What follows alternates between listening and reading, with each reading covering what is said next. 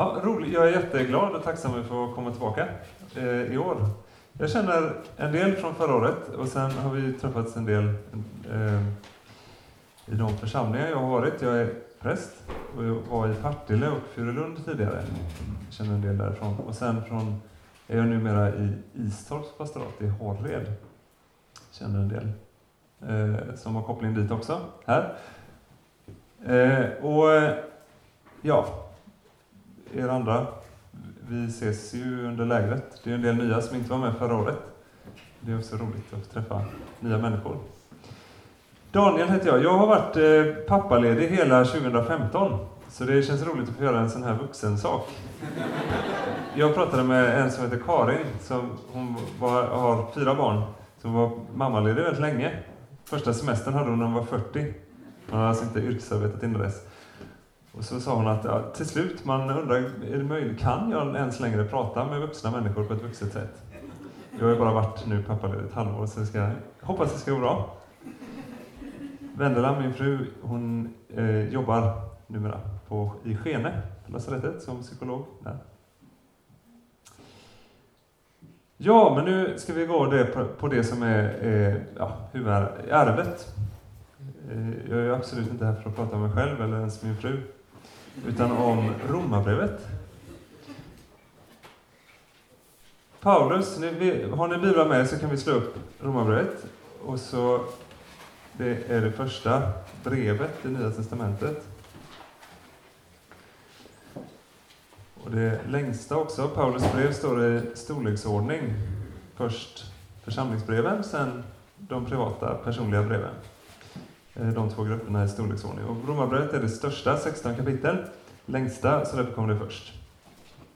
Och han skrev det under sin tredje missionsresa, troligen Korint, mitten av 50-talet, alltså 25, 25 år efter att Jesus hade dött och uppstått. Vad hände för 25 år sedan? Eh, alla här inne har förmodligen minnen från för 25 år sedan. Det är inte så där jättelång tid. Eh, och Paulus, det är alltså, vi, vi ligger nära Jesu, Jesu död och uppståndelse, Jesu liv.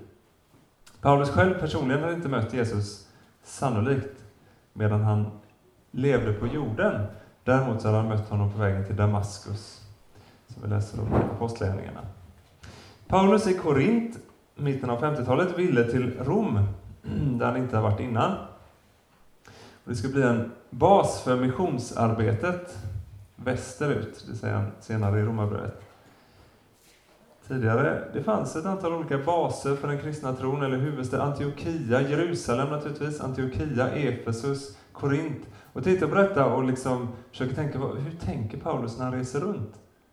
Så förstår vi att det är inte planlöst, utan det är de stora städerna i romarriket som Paulus hela tiden siktar på, där han vill komma till och eh, grunda församlingar. Och nu siktar han in sig på romarriket. Eller hela romarrikets huvudstad, Rom. Och nu ska vi alltså studera 1 till 8. Det är, har jag, har fått till mig, så det är inte någonting som jag har valt. Och det är, tycker jag är mycket, mycket skönare. För då, då, då tänker jag, men då finns det en ledning i det. Om jag väljer själv så kan jag liksom blanda in mina egna favorittankar eller min egen lathet och slippa förbereda när jag tar något som jag haft innan eller så. Men nu, eh, nu tänker jag att Herren har lett det här. Det finns en anledning att vi läser Romarbrevet 1-8. Och den anledningen kan vara olika för oss. oss. Eh, någonting Herren vill säga genom sitt ord. Många människor har läst just Romarbrevet 1-8. Det är första hälften, men det, det har påverkat mer än andra delar eh, av Bibeln för många människor. Till exempel Martin Luther, Karl Barth eller Rosenius som har blivit livsförvandlande för dem och kyr förändrat kyrkohistorien, världshistorien till och med. Att Luther upptäckte att människan blir rättfärdig genom tro, det förändrar hela Europas historia. En annan som jag eh, har läst, som är kanske världens bästa kommentar, det är den här. Öyvind Andersen. Grundsannheter till frälse. Har någon hört talas om den? Jag hade inte det heller för fyra veckor sedan, tror jag. Eh, så det var bra att jag fick reda på det. Han skrev den på 50-talet och han var rektor på Fjällhaug skola, bibelskola i Oslo. Och så skrev han den här. Jättebra. Jag kommer att, att citera honom ibland. Eh, grundsannheter till frälse. Grunden eh, är temat för lägret. Grund, grundsanningar för frälsning. Det är det som eh, Andersen skriver om. Och vad är, vad, är grund, vad, vad är grundsanningarna till frälsningen? I fråga om synden, i fråga om frälsningen, i fråga om helgelsen. Det är de, det är de tre begreppen som Romarbrevet 1-8 handlar om. Idag kommer jag gå igenom första introduktionen och sen om synden. Eller syndanöden, världens syndanöd. Imorgon kommer det handla om frälsningen. Och på lördag kommer det handla om helgelsen.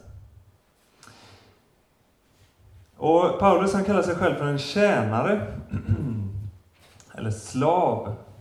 Jesu Kristi tjänare, det är det första han skriver. Och det ser jag mig också som. Eh, Guds ord. Jag, jag vill lyfta fram ordet för er. Han, Paulus, har en Herre som han är helt underställd. Och det vill jag också ha. Jesus. Det är hans ord jag vill lyfta fram. Som eh, ja, VDM kallas för präster. Verbi divini minister. En Guds ords tjänare, Guds ords slav. Så det vill jag också vara. Jag läser 1-17 som introduktion, eller den första delen. Vilka bibelöversättningar har ni förresten?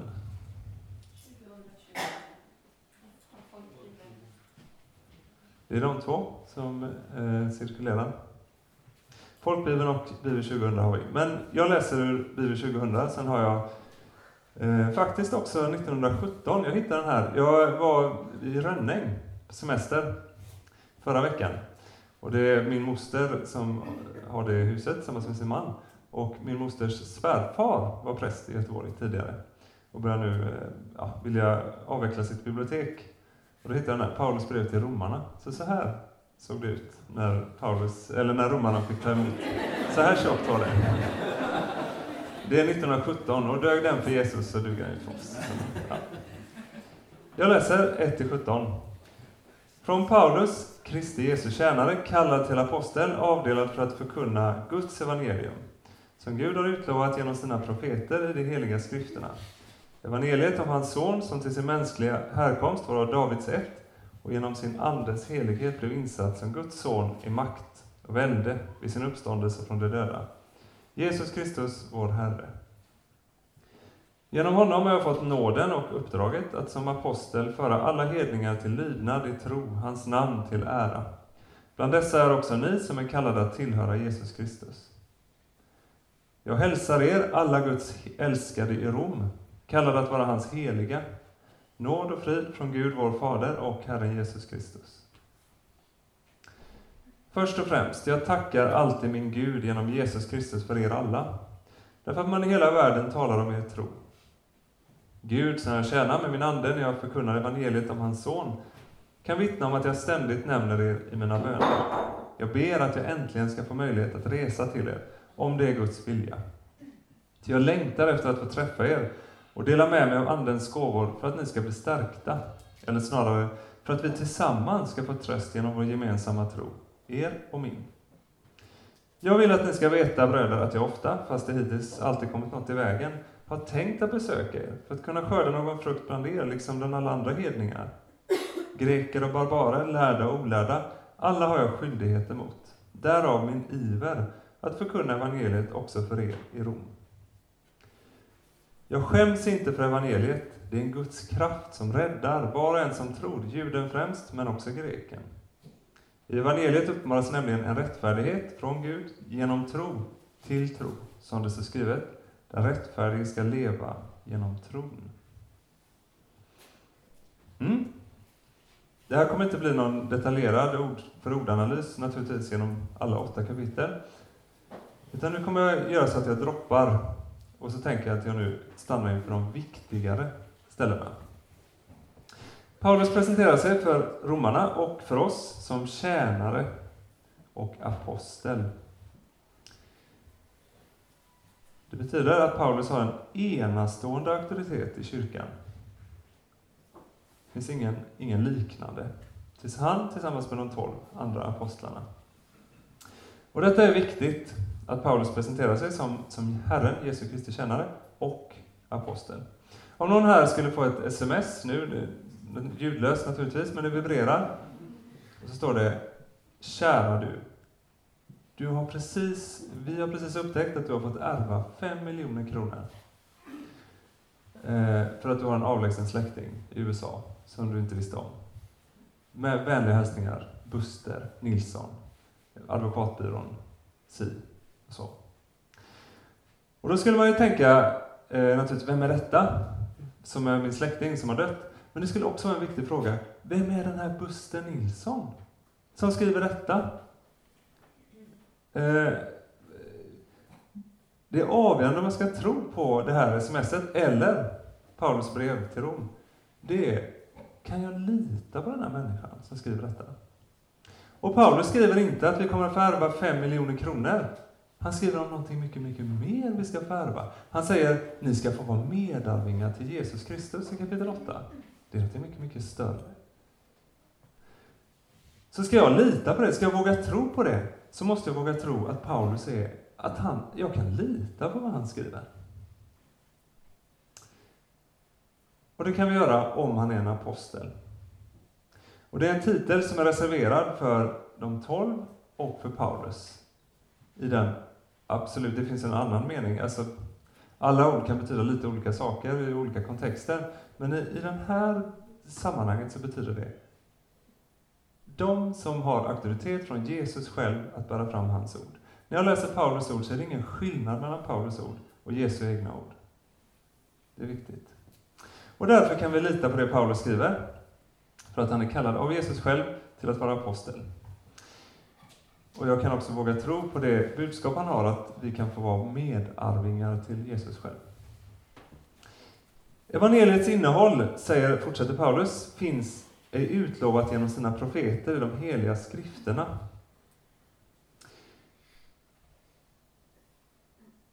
Evangelium, det kommer Paulus senare beskriva bestämningarna av i vers 16-17.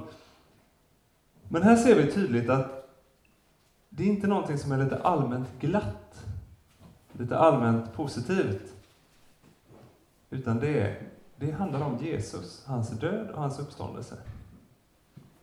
Hans person och hans verk, vem han är och vad han har gjort. Evangeliet om hans son, står det här. Jag, återigen den här personen som jag träffade, Gerhard Hansson hette han. Eh, I hans bibliotek så hittade jag en annan bok moderna religionsbildningar. Eh, och så, han, han delar alltså ut eh, sånt som han vill bli av med. Eh, oerhört intressant. Från 1933 eller 34 den skriven. Eh, jag, jag, vet inte varför jag började läsa den. Vem, vem läser en bok från 33 om moderna religionsbildningar? Men jag gjorde det. Och så står det här på sidan 15. Han går igenom hur, vad, vilken ställning har kyrkorna i Europa just nu. Och då kommer han till de, eh, den evangeliska kyrkan i, i Tyskland. Okej, vad säger det oss? Den evangeliska tys, tyska kyrkan 1934. Ja, året efter Hitler tog makten, eller hur? Vad är hans analys? Jag har ingen aning vem han är. Karl Wold och Einar Spjut har skrivit men det, det är intressant att se vad, vad, hur, vad tror han om den tyska kyrkan, den evangeliska kyrkan, år 1934? Vi vet ju vad som hände sen. Jo, det står att de eh, har precis liksom fått, eh, fått makten, eller de har precis börjat kalla sig Deutsche Christen. Eh, och de är nationalsocialistiska. Och det vet de inte riktigt vad det kommer innebära. Eh, men de märker att det finns tendenser till öppen brytning med det som tidigare har varit. Man vill frigöra sig från det semitiskt orientaliska, alltså det hebreiska. Det betyder Gamla testamentet.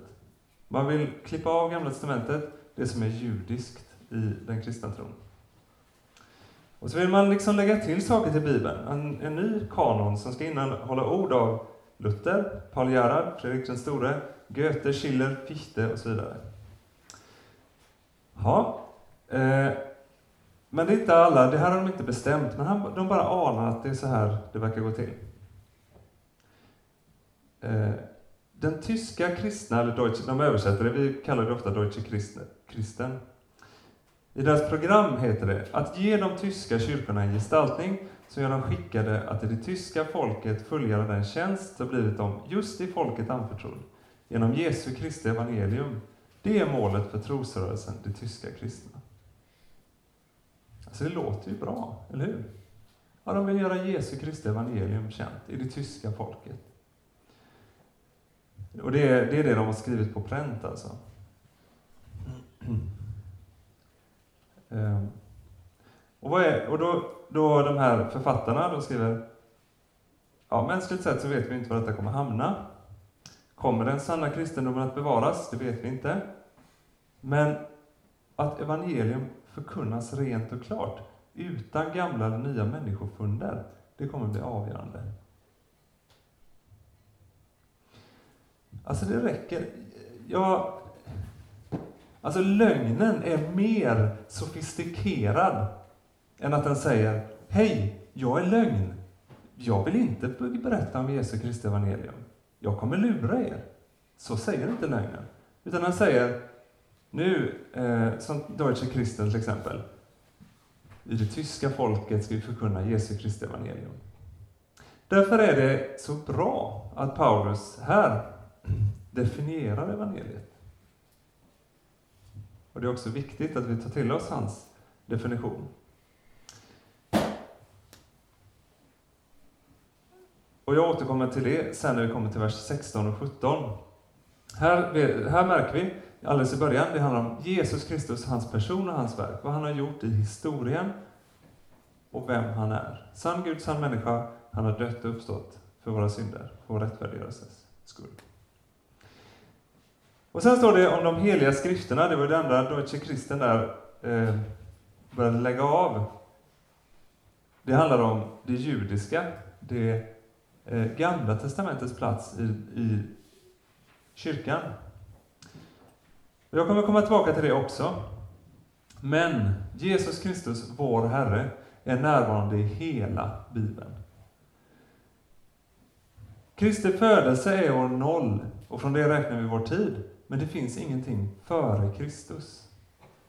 Om man ska säga på latin, ante Christum natum finns före Kristi födelse. Men det finns inget ante Christum. Det finns inget före Kristus. Och det ska vi också ha med när vi läser både Romarbrevet och Gamla Testamentet. Paulus räknar självklart med att hela Gamla Testamentet vittnar om Jesus. Det finns ingen ny information om Jesus i Nya Testamentet. Allting finns i det gamla. Uppfyllelsen är det nya. Och så skriver Paulus slutligen, innan, eh, till Guds älskade i Rom, kallade att vara hans heliga. Och det Paulus skriver, det är riktat till alla kristna. Att vi läser det och kallar det helig skrift, det är ingenting emot vad Paulus tänkte och hans mening med att skriva detta. Utan han, han skriver till, till alla kristna. Han skriver till, eller det är ett allmänt brev, så det är, det är helt i enlighet med vad, hur Paulus ville, eller hans intention, att vi sitter här och läser det nu. Det är inte ett historiskt brev på det sättet att det bara är skrivet till Rom alltså. Så vi kan ta till oss att vi tillhör också Guds älskade och kallade att vara hans heliga. Guds älskade, det tror jag, ja, det har vi nog föreställningar om. Däremot kallade att vara hans heliga. Där tror jag att vi ofta missuppfattar vad Nya Testamentet lär om ordet helig. Det kan man höra ibland, ja, jag, jag är inte helig. Och så, men Paulus skriver alltid till de heliga på olika platser. Som kristen, nu ska jag ge er en bild. Man kan säga som, som människa så här. Jag kan inte flyga. Det går inte. Och det håller alla med om. Och så kan man som kristen säga, jag är, jag är inte helig. Och så tänker man, rättfärdig i mig själv. Jag, jag gör inte goda gärningar, jag tänker onda tankar och beter mig dåligt mot mina medmänniskor och, och sätter Gud, inte Gud på första plats, alltid. Men så bilden, jag kan inte flyga. Jo, men det kan jag ju visst. Det är bara att kliva in i ett flygplan och så lyfter det. Så lätt är det 2015. I ett flygplan kan jag flyga. Som kristen, jag är helig. Ja, inte mig själv, men i Kristus. I Kristus är jag helig. Det är en bild för vad Paulus menar med ordet helig. Så vi behöver... När jag ska se en helig människa och jag, jag tar till mig att Paulus kallar mig för helig, så tittar jag mig inte i spegeln, utan jag tittar på Jesus. Så, då har vi de första sju verserna här, stannat lite grann. Och nu, efter den här presentationen av Paulus och de han skrivit till, och vilket som är hans ärende, så tackar han först försam för församlingen och en förbön för församlingen. Men det får vi hoppa över. Och så stannar vi inför vers 16 och 17. Som är en sammanfattning av hela Romarbrevet. Paulus gör så nämligen att han eh, då och då så har han kärnversar som sammanfattar stora sjok. 1.18 till exempel är en sammanfattning av från 1.18 fram till 3.20. Så då kommer jag att fokusera mer på det. Och 16.17 det är en sammanfattning av hela Romarbrevet. Så nu kommer vi stanna mycket inför det. Och då säger Paulus så här, ni har det framför er. Jag skäms inte för evangeliet. Det är en Guds kraft som räddar var och en som tror, juden främst, men också greken. Här har vi det. Vad är det för evangelium Paulus frambär? Okej, okay, man kan missbruka ordet evangelium. Lögnens fader är verksam också inom, inom kyrkan. Och djävulen klär ofta ut sig till en ljusets ängel, som den heliga Birgitta visste. Så Paulus definierar här evangelium som en liksom för att avslöja lögnen. Jag säger så. Och då säger han först, jag skäms inte för evangelium. Vad menar han med det? Ja, en sak är att Rom är världshuvudstaden. Och kanske kommer åka till, till platsen där eh, ja, kulturlivet blomstrar som mest och språkutvecklingen finns och, och där de bästa advokaterna åker till, eller retorikerna åker till, ja, jag bara eh, ja, så, så som det var i romarriket. Ville man göra karriär så åkte man dit. Det var den stora platsen där kejsaren bodde och, och den eviga staden. Okej, okay, ska, ska Paulus, denne ändå lantis från Tarsus, har något att komma med i Rom? Och då säger han, ja absolut. Han har evangeliet. Mycket, mycket bättre än någon, någonting annat. Någon världslig vishet eller Cicero eller Tacitus eller sådär. Han skäms inte för evangeliet. Det är den ena saken. En annan sak som också ligger i detta, det är att han skäms inte för evangeliet. Som en parallell till första Korintierbrevet 1.17 till 2.16. Vi behöver inte läsa det, men det står om, om att evangelium är en dårskap för den som inte vill tro. En stötesten för judarna och en dårskap för grekerna.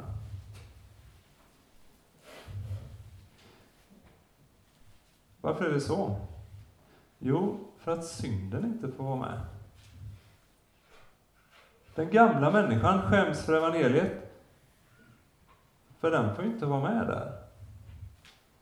För det innebär att den måste dö. All min gamla duktighet, präktighet, religiositet, det är intet intet. Paulus skäms inte.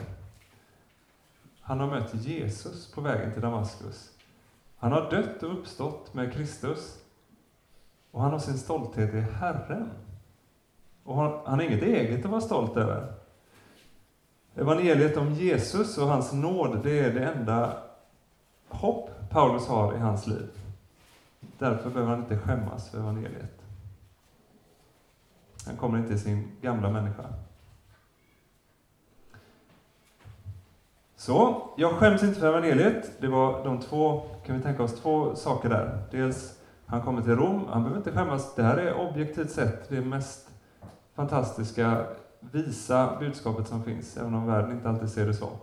Och det andra, han skäms inte för evangeliet. Han är pånyttfödd. Och sen bestäm, finns det tre eller fem bestämningar på evangeliet. Vad är evangeliet för något? Ni får gärna avbryta när som helst om ni känner att eh, det var fel, det jag sa. Eh, det var otydligt. Eh, det var självklart, det här kan vi. Eller något annat. Evangeliets bestämningar då. Vad är, vad är det som bestämmer evangeliet? Ty evangeliet är en kraft eh, grekiska ordet. Dynamis. Jag skriver ett. Det är en kraft. Kraften är från Kristus. Parallellen finns redan i vers 4. Eh, Gud, eller Jesus Kristus, Guds son i makt och välde. Eh,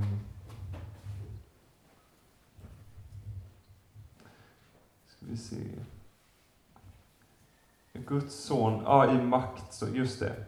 Makt där är samma, ja, 1-4. Ni som har Bibel 2000, ni ser att det står Guds son i makt. Ordet är samma som kraft i vers eh, 16. Guds son i kraft. Det, han återkommer till det. Så evangelium eh, Guds, handlar om Guds son i kraft i makt. Evangelium är inte en, en livsfilosofi, en idéförkunnelse, en lära om livstips. Nej, det är kraftverkan från den uppståndne Herren. Levande Herren. Kan jämföra det med en maskros som tränger igenom en asfaltsväg. Jesus själv säger att det är som ett senapskorn som växer upp. Ja, det sker inte som en explosion, men det sker oerhört kraftfullt. Ingenting kan hejda det. Det är en kraft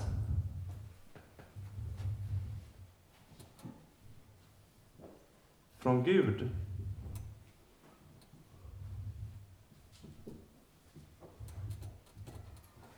Jo, Kraften i kärleken, i nåden, det är på grund av att den är från Gud. Samma kraft som skapade hela världen, som sa var det ljus, och det blev ljus. Som sa var det djur och, träd och allting, och det blev det. Samma kraft, oerhörda kraft, är verksam genom Jesus, hans död och uppståndelse, och nu i kyrkan genom ordet och sakramenten. Det är också Guds på det sättet att det är Gud som äger evangeliet. Och vi kan tacka Gud för att det inte är Deutsche Christen eller Luther eller DDR eller så. Gud äger sitt evangelium. Det är en genitiv form från Gud, Guds kraft. Till vad? Jo, till frälsning.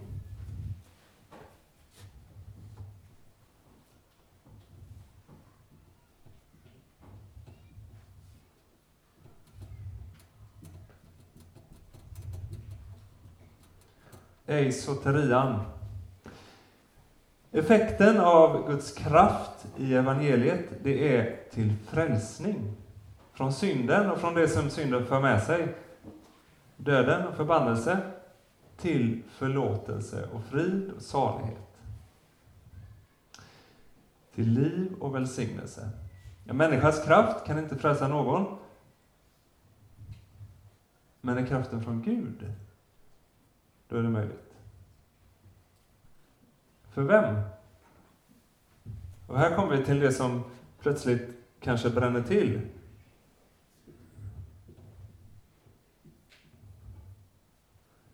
För var och en. Pantig.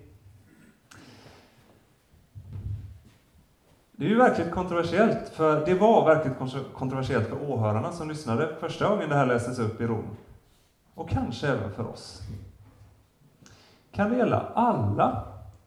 Nynazister, horkarlar, mördare, pedofiler? Kan evangeliet om... Eller ärendet hos evangeliet verka med kraft till förvandling och nytt liv även för de mest avskyvärda människor, som vi tycker? Jo, för var och en. På Paulus tid så handlade det om, eh, kan det här gälla hedningarna? De som inte känner Gud, de som inte har lagen.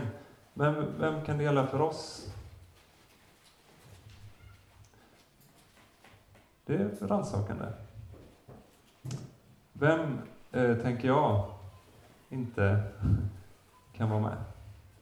Om jag tänker det. För var och en som tror.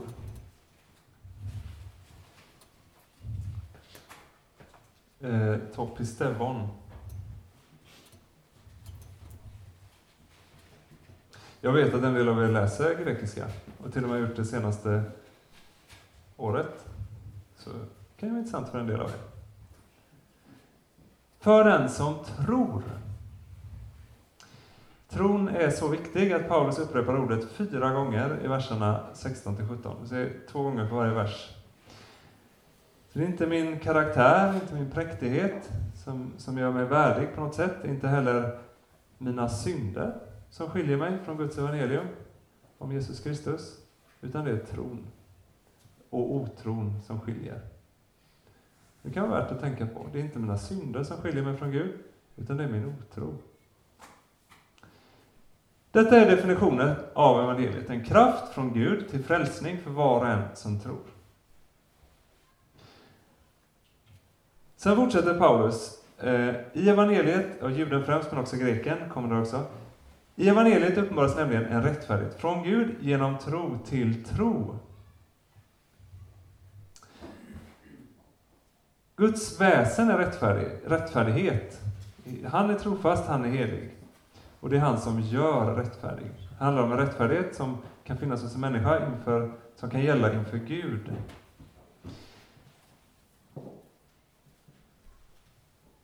Synd, det är grundläggande att ha skilts ifrån Gud. Det som skiljer mig, arvsynd, det som jag gör, som är normöverträdelserna som är följden av det, verksynd. Och tron, det handlar inte... Det är inte bara... Det är, inte, det är mer än bara människans gensvar på, på Guds kärlek eller hans det gensvar på det nya liv som Jesus erbjuder, utan det är Guds, Guds sätt, Andens sätt att ge en människa del av det som Jesus har vunnit, evangeliet, det nya liv som Jesus erbjuder. Tron är ett tillstånd i nåden, i gemenskap med Gud. I evangeliet uppenbaras nämligen en rättfärdighet från Gud genom tro till tro, som det står skrivet, den rättfärdige ska leva genom tron. Genom tron, en, en återupprättad gemenskap, så blir en människa förklarad rättfärdig, gjord rättfärdig av Gud. Det kommer vi sen att stanna inför mycket. Men evangeliet är också till tro står så. Genom tro till tro.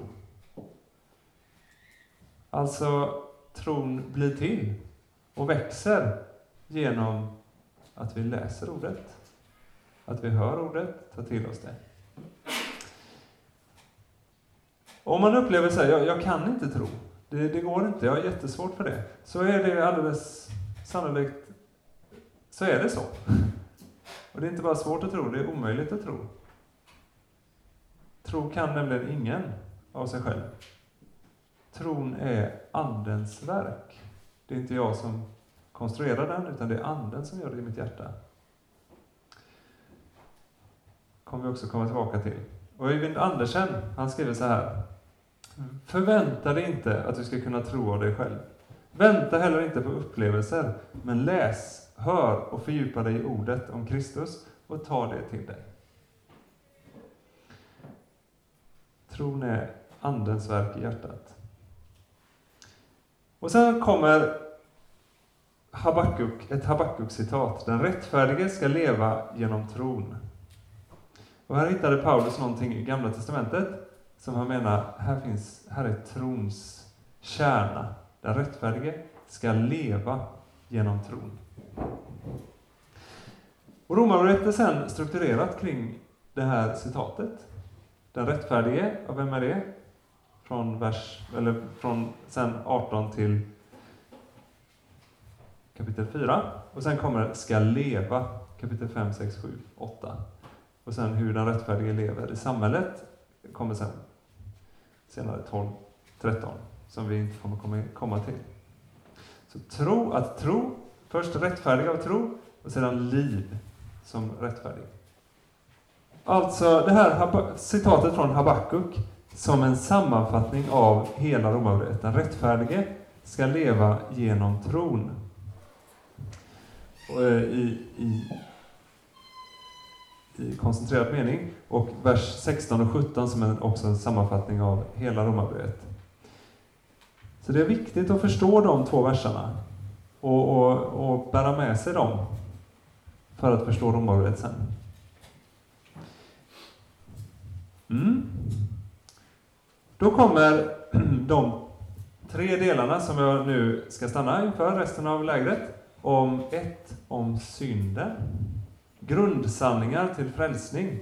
Det är Öyvind Andersens kommentar till Romarbrevet. Grundsanningar om synden, grundsanningar om frälsningen och grundsanningar om helgelsen. Om synden nu, idag, resten av, av den här tiden, som vi har idag. Och det är Romarbrevet 1.18 till 3.20. Och då kommer grundtesen, eller grundordet, i vers 18. Och sen kommer det en sammanfattning i vers 9 i kapitel 3 och 19 och 20 i kapitel 3. Så de tre verserna är mest centrala i detta avsnittet. 1.18, 3.9, ja det blir fyra verser, och 3.19-20. Gå ty, ja det börjar med ty, det är ju en ja, det återkopplar till det som har sagts tidigare. Ty Guds vrede uppenbaras från himlen och drabbar all gudlöshet och orätt hos de människor som håller sanningen fången i orättfärdighet. Med det här avsnittet så vill Paulus beskriva, möjligen också bevisa, hur alla människor, judar och greker, det betyder Eh, de som är i förbundet och de som står utanför förbundet, alltså alla, är under synden, under Guds vrede. Och man kan känna här att det kommer plötsligt, efter det här Guds kraft som räddar var och en som tror. Och man tar till sig det och känner amen, vad härligt. Och så kommer detta plötsligt. Och så man lever 2015, eller 1378, eller år 57 för den delen så kan man känna, säkert känna att det är onödigt. Varför gör Paulus så? Borde inte Paulus skriva att Gud är snäll och, och Gud, Gud är kärleksfull och, och tar hand om oss så bra? Något, något väldigt vackert. Och så tänker jag att Paulus inte gör det. Och det finns en viktig poäng med det. Okej, okay. Guds vrede. För en del människor som läste, en del läsare som, som hörde detta första gången, eller läste det, så var det självklart att lagobservans, att jag lever på ett korrekt sätt, det är tro och en säker frälsningsväg. Och det kanske det är för oss också, en del av oss, möjligen. Och då säger Paulus här att det är, det, det är falskt. Eh, en, det är en falsk syn på kristen tro, på vad tron är för någonting och vad frälsningen är för någonting. För att alla människor, alldeles förutsättningslöst, eh, är under Guds vrede och att frälsningen också helt förutsättningslöst från Guds sida, Eh, en verkan från Gud, kan gälla alla genom tron. Det kunde många då och kanske många idag inte riktigt förstå. Och därför tar nu Paulus ett steg tillbaka från vers 16 och 17 till vers 18 för att förklara eh, frälsningen med utgångspunkt från synden och Guds vrede. Och är det, tänker jag också för oss så att i vårt personliga andliga liv, att evangeliet kan uppenbaras i all sin, sin härlighet för våra ögon först när lagen och, och Guds vrede har uppenbarats. Först. Här står det att Gud uppenbarar. Guds vrede uppenbaras. Ordet är apokalyptetai på grekiska, revelator på latin. Revelation, eh, apokalyps. Det finns ju olika, ja, det är det ordet. Och det ordet fanns precis innan. I evangeliet uppenbaras nämligen en rättfärdighet, vers 17. Så här kommer samma ord två gånger, två verser efter varandra.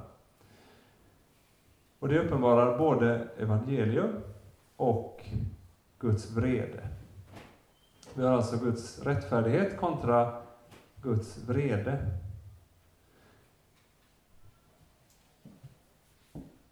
Och då har, i alla fall från Luther och framåt, som man tänkt att Guds ord uppenbarar lag och evangelium. Det har man gjort innan också, men jag tror ändå Luther var den som tydligast drev det, kanske för mycket ibland. Guds ord kan innehålla andra saker också, möjligen. Men för Luther var det viktigt. Guds ord är från början till slut lag och evangelium. Till exempel när han, skriver, han har skrivit en romarbrevskommentar. Jag kommer citera Luther två gånger de här tre dagarna. Det här är första gången. Och då säger han att en läkare sysslar med människan som sjuk och frisk. En jurist sysslar med människan som ägare och icke-ägare, alltså ekonomi och hushållning och så. Teologen sysslar med människan som eh, syndare och rättfärdiggjord. Lag och evangelium.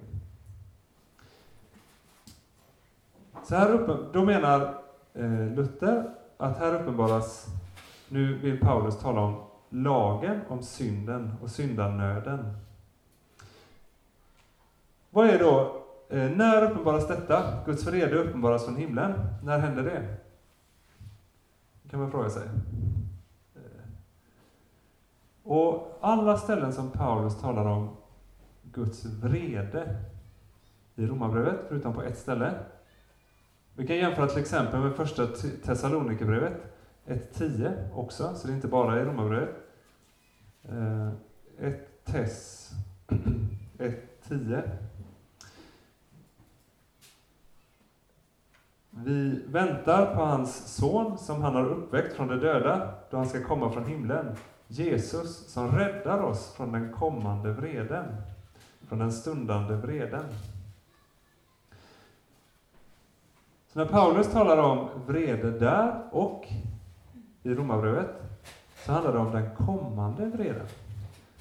Alltså den yttersta dagen. I 2.5 till exempel i Romarbrevet. Med ditt hårda och obotfärdiga hjärta hopar du vrede över dig till vredens dag, då det blir uppenbart att Gud dömer rättvist. Så även om det står presens här, uppenbaras, det, det är alltså nutid, samtid, så används det ibland som framtida, futurum. Och eh, då, då blir liksom frågan, vilken ställning kommer jag ha på den yttersta dagen? Alltså den sista dagen i den här skapelsen. Hela kapitel 2 handlar om eh, den yttersta domen. Hur, vad, vad, hur kommer jag stå då? Kommer jag stå där i min egen rättfärdighet eller kommer jag ha någon annans att klä mig i? Men sen för det andra, det här är, Guds vrede kommer att uppenbaras. På den yttersta dagen så kommer det att bli, det är en, en vredens dag, säger Paulus. Men det är också uppenbaras i, eh, i förkunnelsen, ska uppenbaras. En teolog ska veta skillnaden mellan lag och evangelium. En präst ska det. Det är jätteviktigt. När evangeliet förkunnas så ska också Guds lag bli tydlig. Hans Johansson, som eh, vi fick eh, Karina eh, tipsade om. Eh, där. Förut, han skriver så här. Guds vrede uppenbaras när evangeliet förkunnas. Den blir då tydlig. Först när evangeliet proklamerar Guds rättfärdighet visar det sig vilket tillstånd världen befinner sig i. Till exempel nu när vi läser Romarbrevet så uppenbaras förhoppningsvis Guds vrede för oss. Och hur drabbar detta? Jo, all gudlöshet och orätt hos de människor som håller sanningen fången i orättfärdighet. Okej, okay. all gudlöshet. Gudlöshet och orättfärdighet, det är de två orden. Vad är gudlös för någonting? Ja, det är att man är utan Gud, eller hur? Man kan vara moraliskt fin och präktig inför andra människor.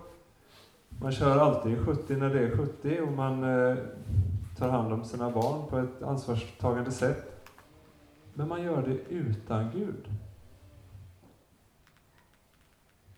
Orätt. Det är handlingar som strider mot Guds bud. Och då är det inte bara handlingar som det är Jesus tydlig med. Eh, äktenskapsbrott, det är inte bara att jag håller mig till den jag har lovat trohet mot. Inte försöker bryta mig in i någon annans äktenskap heller. Utan att jag inte ens i tanken, inte ens med mitt hjärta, bryter mot eh, äktenskapsbudet. Eller stöld, att jag inte ens, jag har inte ens intresse av att, att äga någon annans saker. Och då, orätten Eh, i, på den yttersta dagen handlar om inte bara borgerlig rättfärdighet, utan den rättfärdighet Gud kräver. Och vreden drabbar detta. Den uppenbaras och drabbar. Ungefär som jag kastar upp en sten i luften eller en penna så här, så slår den mig när den kommer ner. På samma sätt mina handlingar. Det är ingen annan jag kan skylla på. Det är en oursäktlig synd som människan själv har ansvar för. Det Paulus eh, människosyn är, eh, man är alltid både offer och gärningsman som människa. Jag föds in i den här världen, men jag är också ansvarig för det jag gör. 1.18 var detta. Har vi, har vi stannat tillräckligt mycket inför 1.18? Nu ska vi säga ja. Nej, eh, ni får säga ja, naturligtvis. Men, men det här är 1.18. Det här är, eh, det här är en, en grundvers. Nu innan vi kommer fram till 3.9, så ska vi ändå bara flyktigt se eh, vad det står om i ett, kapitel 1 och kapitel 2. Resten av kapitel 1 handlar om att visa att hedningarna är under vrede. Guds vrede. Och då, finns, eh, då talar han om naturlig lag här. I Saltaren 148, eh, mot slutet, eller i mitten, vers 6, så talar eh, eh, psalmisten om stjärnor, sol och måne och himlar. Och Herren gav dem deras plats för evig tid, bestämde en ordning som aldrig förgår. Eh, folkbibeln bestämde en lag som aldrig förgår. När vi talar om lag, så naturlag, är en, det är Gud som har skapat naturlagarna. att solen och månen och stjärnorna och jorden snurrar, att allt det där sköts som det ska, det, det kallar vi naturlagar. Dragningskraften och, och allting. Och då finns det en motsvarighet i Bibeln. Om det finns en naturlagar så finns det också naturrätt. Vi människor, det finns motsvarande detta, tänker sig Bibeln då, i psalm 148, så finns det någonting som vi människor fattar är rätt. Moraliskt rätt. Det finns inga samhällen någonsin som har menat att det är okej okay att döda urskillningslöst alla hur man vill. Eller de allra, allra flesta samhällen någonsin har tänkt sig att det finns en Gud. Och så vidare. Så det finns en naturlig kunskap om Guds existens, tänker sig Bibeln. Och det finns en naturlig kunskap om Guds krav och, och gudomlig etik, eller en, en mänsklig etik som, som vi har i oss. Så känslan för rätt och fel, det är inte ett anonymt krav. För den som är intresserad av, eh, av detta, Eh, så har jag ett oerhört nördigt boktips. Och det är boken Kristi lag, naturlig lag och antinomism av Rune Söderlund. Om, om man liksom funderar på vad betyder lag i Bibeln? Eh, vad är naturlig lag? Vad är Kristi nya bud och så? Så kan man läsa den. Den är jättekort och väldigt bra. Bara, att, bara en boktitel med ordet antinomism gör ju att man på något sätt drar sig för att läsa den. Men det kan man göra ändå. Den är bra. Så, eh, det, och det här, det här, utifrån den här utgångspunkten så kan Paulus säga hedningarna borde levt rätt, men gjorde inte, har inte gjort. Så det är, inte, det är en anklagelse. Det finns en, all, en inneboende medvetenhet om, om, om rätt och fel som vi alla bryter emot. På, på den yttersta dagen kommer, den, kommer inte, det kommer inte finnas någon ursäkt för någon. För de borde, men de gjorde inte. På den yttersta dagen kommer alla knän att böjas inför, inför Gud. Och skapelsen kommer bekänna att, att skaparen är Herre. Och människan kommer inte kunna ursäkta sig att man jag visste inte. Enligt Paulus här. Eh, sen tar han upp, det, i detta sammanhanget kommer homosexualitet upp som, som exempel, inte som huvudärende eller så. Och frågan om homosexualitet är, är oerhört brännande, både inom kyrkan och utanför kyrkan. Och det kanske inte ens är brännande längre. Utan det, det har blivit en självklar del av vår kultur. Ändå. Och, eh, men, men för Paulus så använder han det som ett exempel när eh, det som är liksom skapelseordningen eh, vänds. Och det gör han till, en, till ett som en del har kallat homonormativt samhälle, antiken. Eh, det finns inga, inga traditioner i Bibeln som menar att homosexualitet är ett bra sätt att, att leva ut sin sexualitet. Eh, vare sig Gamla eller Nya Testamentet. Men samtidigt är det ju någonting som vi brottas med och som, som människor vi kan tycka om eh, både lever i och, och eller brottas med. Så det, det, är, inga, det är en eh, svår fråga naturligtvis. Men Paulus lyfter fram det här som ett exempel på eh, när skapelseordningen vänds. Som är, ja. Så, eh, jag vet inte om ni, vi har inte läst det nu, men det kan ni läsa själva. Sen kommer kapitel 2. Först var det hedningarna under synden. Här, så hittills har alla hållit med åtminstone av de judiska läsarna som läste detta. Okej, okay, de är orättfärdiga, fulla av avund, fulla av, av, av, allt möjligt. De beter sig på, på omoraliska sätt. Och så kommer Paulus fram till kapitel 2. Därför finns det ingen, inget försvar för dig som dömer. Vem du än är, för du själv handlar likadant. Så det finns ingen privilegierad ställning. Här vänder han sig istället till eh, de som äger gudsordet. Judarna eh, och de som eh, tillhörde, ja, de som läste ordet och kunde det. Eh, här kommer också Paulus eh, tal om samvetet upp. Men det hinner vi inte ta upp. Men, men det finns någonting av lagen som är skrivet i, i hjärtat, som vi kallar samvete. Så hela mänskligheten, både hedningar och judar, är under synden. 3.9. Hur är det då? Har vi något försteg? Alltså, eh, här, nu ska Paulus sammanfatta detta. Både judar och hedningar, alla är under synden. Det betyder hela mänskligheten. Hur är det då? Har vi något försteg? Inte utan vidare.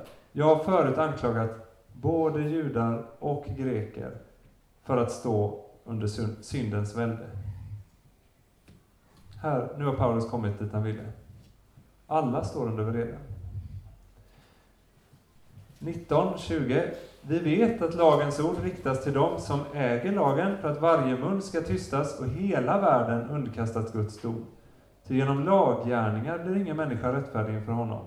Lagen kan bara ge insikt om synd. Så man kan säga att nu har vi sju minuter. Det är det som förändras hos Paulus när han blir kristen. Från att ha varit en, en eh, nitisk judisk förkunnare och predikant och, och skriftlärd. Det är, vad är en människa? Hur är en människa? Innan sin omvändelse så har Paulus kunnat säga att han var stolt över att han var en del av förbundet. Han levde ett rättfärdigt liv i Guds nåd. Efter mötet med Jesus på vägen till Damaskus så hade han samma förståelse av lagen som innan, någonting gott, heligt från Gud. Men han fattade, jag står ju utanför. Jag är likt hedningarna, lika dömd som dem.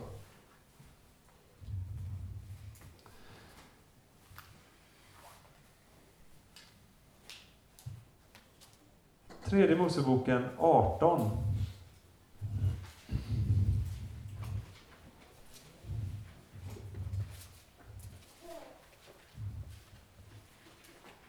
vers 2 till 5.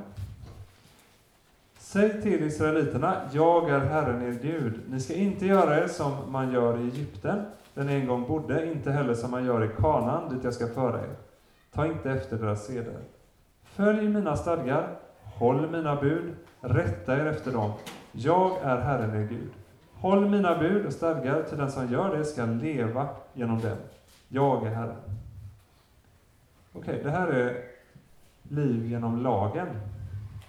Att själv eh, på den yttersta dagen en dag säga jag borde få komma in till himlen, jag har betett mig på alla sätt gott och rättfärdigt. Och så upptäckte Paulus att nej men, det här det, det gör ju ingen. Det gör inte jag. Ingen annan heller. Hedningarnas usla läge, man säger under Guds vrede, har tecknats i starka färger eh, i kapitel 1. I kapitel 2 så har Paulus visat att även juden är inkluderad i det. Ingen människa är rättfärdig inför Gud. Alla människor utan undantag behöver räddas från synden och syndens gudsfientliga makt. Så lagen leder till kunskap om synd, inte till förlåtelse av synd. John Stott, vet ni vem det var? Han har skrivit en Romarbrevskommentar och där citerar han Luther. Så det här blir inte det andra Luther-citatet, för nu är det ju John Stott som skriver det. Lagens grundläggande syfte är inte att göra människan bättre, utan sämre. Det betyder att den visar vår synd, och av den kunskapen blir vi ödmjuka, förskräckta, förkrossade och brutna, och det driver oss att söka nåden, och så komma till den välsignade Herren, Kristus. Lag och evangelium hör ihop. Är människan moraliskt, andligt god och rättfärdig så finns det ingen anledning till evangelium. Eh, Hans Johansson skriver Då det gäller låt oss äta och dricka för imorgon ska vi leva. kan man lika gärna leva, alltså, ja, man behöver inget evangelium. Men så hade Paulus upptäckt, också i Gamla Testamentet från Habakuk, den rättfärdighet som, Eh, en annan rättfärdighet än tredje Moseboken är 18.5. Håll mina bud, stadgar, till den som gör det ska leva genom dem, står det i tredje Mosebok. Det är lagen, och i Habakuk evangelium, den rättfärdige ska leva genom tron. Trons rättfärdighet. Så, då har vi eh, då har vi, är vi klara med ett, två och tre snart. Eh, vi fortsätter lite med tre imorgon. Eh, två saker innan, eh, innan vi skiljs härifrån. Det tillhör den mänskliga värdigheten att få vara ansvarig för sitt liv. Är det inte så? Att inte bara skylla på sin, sitt arv, sin miljö, sina dåliga medmänniskor som ett hjälplöst och oskyldigt offer. Utan Paulus ställer oss, vi blir här myndigförklarade också. Ansvariga. 1. kan vi acceptera den här gudomliga diagnosen från Gud, som Paulus ger oss, och därmed söka Kristus som vår enda räddning. Eh, han som dog för oss, han dog för oss. Vi Också vi står inför Gud. Också vi väntar på den yttersta dagen utan försvar och dömda. Och då är vi redo att höra orden från 3.21. Men nu. Det är där vi börjar imorgon. 2. Så utmanar detta oss till att dela Kristus med andra. Vi kan inte tiga med evangeliet, nyheten om, om frälsning.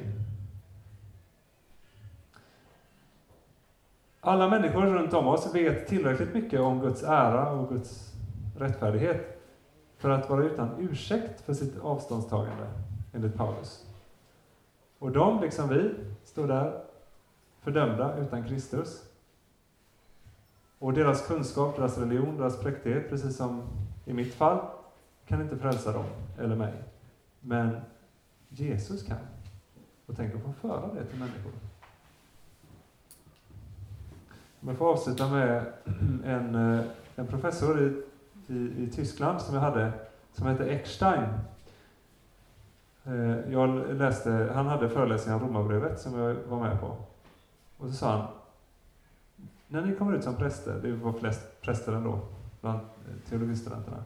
När ni kommer ut som präster och förkunnar Guds rättfärdighet och liksom talar om Guds Jesu kors till människor, att där har han tagit synden på sig. Då kommer ni att få se under. Så. Och det har jag fått se i min egen församling. Men det börjar med diagnosen som vi har gått igenom idag. Eh, frågor? Förra året var det inte så jättemånga som eh, ville diskutera. Eh, så jag eh, missade lite och inför i år. Jag tänkte att det kanske, vi tar tagit bort den punkten. Men om nu, det, ja, det är viktigt att samtala. Jätteviktigt. Och eh, Behöver ni frågor, tror ni? Eller har ni tillräckligt mycket frågor själva? Guds vrede uppenbaras. Guds evangelium, uppe, eller evangeliet uppenbarar Guds kraft.